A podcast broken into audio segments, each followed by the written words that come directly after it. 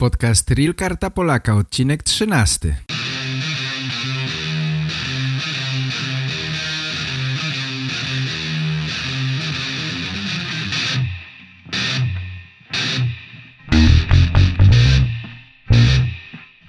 Cześć moi kochani, witam was bardzo serdecznie. Cieszę się, że znowu możemy się spotkać i że mogę wam dzisiaj przedstawić nagranie, które dostałem od Olega. Jest to niesamowicie inspirujące nagranie. Dla mnie wspaniała niespodzianka. Oleg opowiedział nam mm, o swoim spotkaniu z konsulem. Chciałbym, żebyście posłuchali, jakie są doświadczenia Olega. Mm, jeszcze zanim posłuchamy nagrania od Olega, chciałbym tylko e, powiedzieć, że Oleg wspomina tam o stronie realpolish.pl. Jeśli nie znacie jeszcze tej strony, to zapraszam was tam. Zapraszam, posłuchajcie podcastów z tamtej strony. I cóż, myślę, że posłuchajmy tego, co powiedział Oleg. Halo, halo, cześć, pozdrawiam wszystkich bardzo serdecznie z Białorusi. Mam na imię Oleg, jestem bezustannym słuchaczem strony internetowej realpolish.pl i dzisiaj chcę opowiedzieć Wam swoją historię, jak ja chodziłem do rozmowy z konsulem. Podzielić się swoim doświadczeniem z Wami. Ale za tym jak opowiem swoją historię, chcę wszystkim poradzić, wszystkim słuchaczom realpolish.pl po prostu więcej słuchajcie. Zawsze skupiajcie się oczywiście na tym, co słuchajcie. Słuchajcie uważniej, podcasty historyjki, tematu dotyczącego również karty Polaka i właśnie wtedy nigdy nie będziecie mieli żadnego problemu na rozmowie z konsulem. To już sprawdziłem. E, więc e, historia, tradycji, naprawdę to wszystko łatwo zapamiętać. Moim zdaniem jest tak, że trzeba tylko mieć wielką chęć i wszystko będzie łatwo. Ale oczywiście dopiero wtedy, kiedy już zaczniecie rozumieć najpierw, czytać i również mówić w języku polskim. I nawet wtedy, kiedy na rozmowie z konsulem nie potraficie coś odpowiedzieć, spróbujcie mówić. Zacznijcie mówić coś innego, żeby po prostu podtrzymać tej rozmowy. Pokażcie konsulu, że wy wiecie, o czym mówicie i że wszystko rozumiecie i wtedy wszystko będzie ok. Polecam wam taką metodę. Teraz opowiem swoją historię, co ja robiłem, kiedy chodziłem do konsula. Powiem wam szczerą prawdę, że kiedy szedłem do konsula, miałem naprawdę większą chęć zacząć rozmawiać z Panem niż On ze mną. Ponieważ e, bardzo długo czekałem na te rozmowy, chyba 5 albo 6 miesięcy.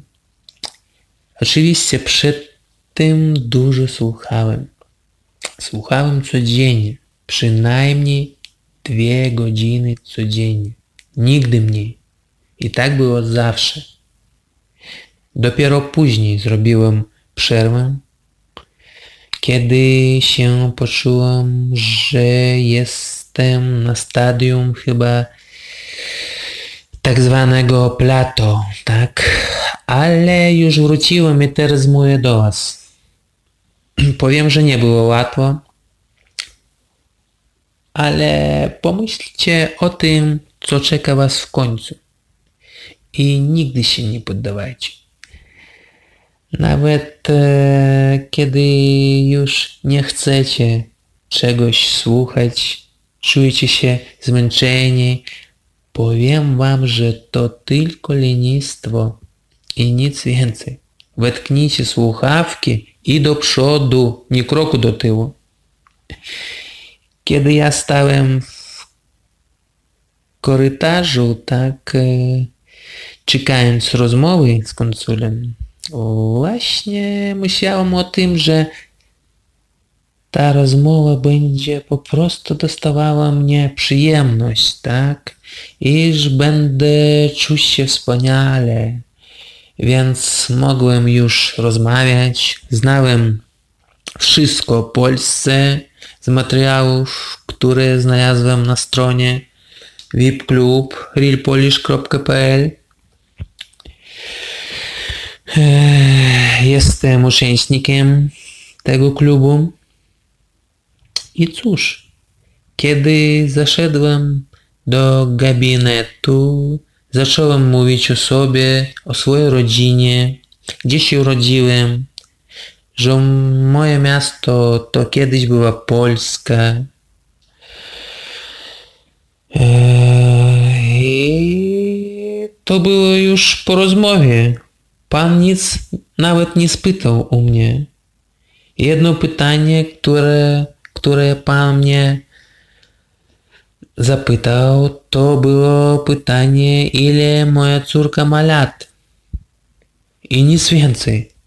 Przez 5 sekund była podpisana decyzja, iż 7 lutego będę trzymał kartę Polaka w swoich rękach. I wczoraj powiem wam, że miałem taki dzień, że wczoraj 7 lutego 2018 roku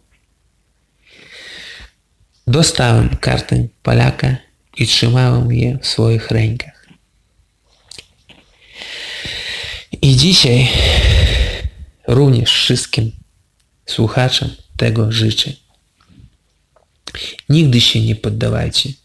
Uczcie się języka polskiego, jak najbardziej uczcie się mówić, słuchajcie codziennie, a historia, tradycje to po prostu egzamin, czyli maturę, tak, którą trzeba zapamiętać. Ale powiem wam, że zapamiętać to, co naprawdę jest ciekawe. Jestem dumny z Polski, z historii, tradycji. To wszystko naprawdę są bardzo ciekawe. I z tego powodu hmm, chyba wszystko łatwo zapamiętać. Tak? Eee, właśnie ja hmm, na przykład eee, jak wszystko to zapamiętałem. Najpierw Wydrukowałem materiał, powiesiłem go na ścianie w pokoju swoim, tak? I codziennie czytałem, ale jak już mówiłem, nic nie spytał mnie pan. No, chyba taka moja historia. Może zapamiętałem powiedzieć, przepraszam, może zapomniałem powiedzieć jedną rzecz. Kiedy wyszedłem z ambasady, byłem tak zachwycony, aż wszystkie dokumenty zostawiłem w ambasadzie. Ale za to miałem powód, żeby wrócić i jeszcze raz oczywiście porozmawiać w języku polskim. Taka moja historia. No i cóż, to chyba wszystko na dziś, co chciałem powiedzieć. Cześć, trzymajcie się. Pa, pa. Dziękuję Olek za wspaniałe nagranie. Naprawdę doskonale mówisz po polsku, ale to, jak sami słyszeliście, wymaga dużo, dużo pracy, dużo cierpliwości, dużo samozaparcia, ale później, później mamy wielką, wielką satysfakcję. Zgadzam się ze wszystkim, co powiedział Olek. Myślę, że mm, nauka polskiego, to jak mówicie po polsku, robi wrażenie na konsulu i konsul nie ma już nic do dodania. Nie musi zadawać żadnych pytań, jeśli usłyszy, że mówicie bardzo dobrze po polsku, to nie ma problemu. Dostajecie od razu kartę Polaka i wspaniale. Olek tak miał chęć mówić po polsku, że z przyjemnością poszedł na rozmowę z konsulem. Pamiętam, że kiedy uczyłem się angielskiego kilka lat temu, to chodziłem na rozmowy e, o pracę do firm, e, w których potrzebny był język angielski i czasami robiłem to z przyjemnością, tylko po to, żeby porozmawiać po angielsku. To niesamowite, kiedy uczymy się jakiegoś języka, to później chcemy w nim rozmawiać. I myślę, że Olek miał takie samo uczucie jak ja. Myślę, że posłuchajcie rad, rad, które dał nam Olek.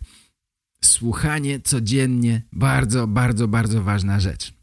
Życzę Wam powodzenia, trzymajcie się i do następnego podcastu. Oczywiście czekam na Wasze nagrania, jeśli macie już kartę Polaka albo macie doświadczenie z nauki y, języka polskiego, to czekam na Wasze nagrania. A na dziś to już wszystko. Pozdrawiam wszystkich bardzo serdecznie. Trzymajcie się. Cześć. Pa, pa.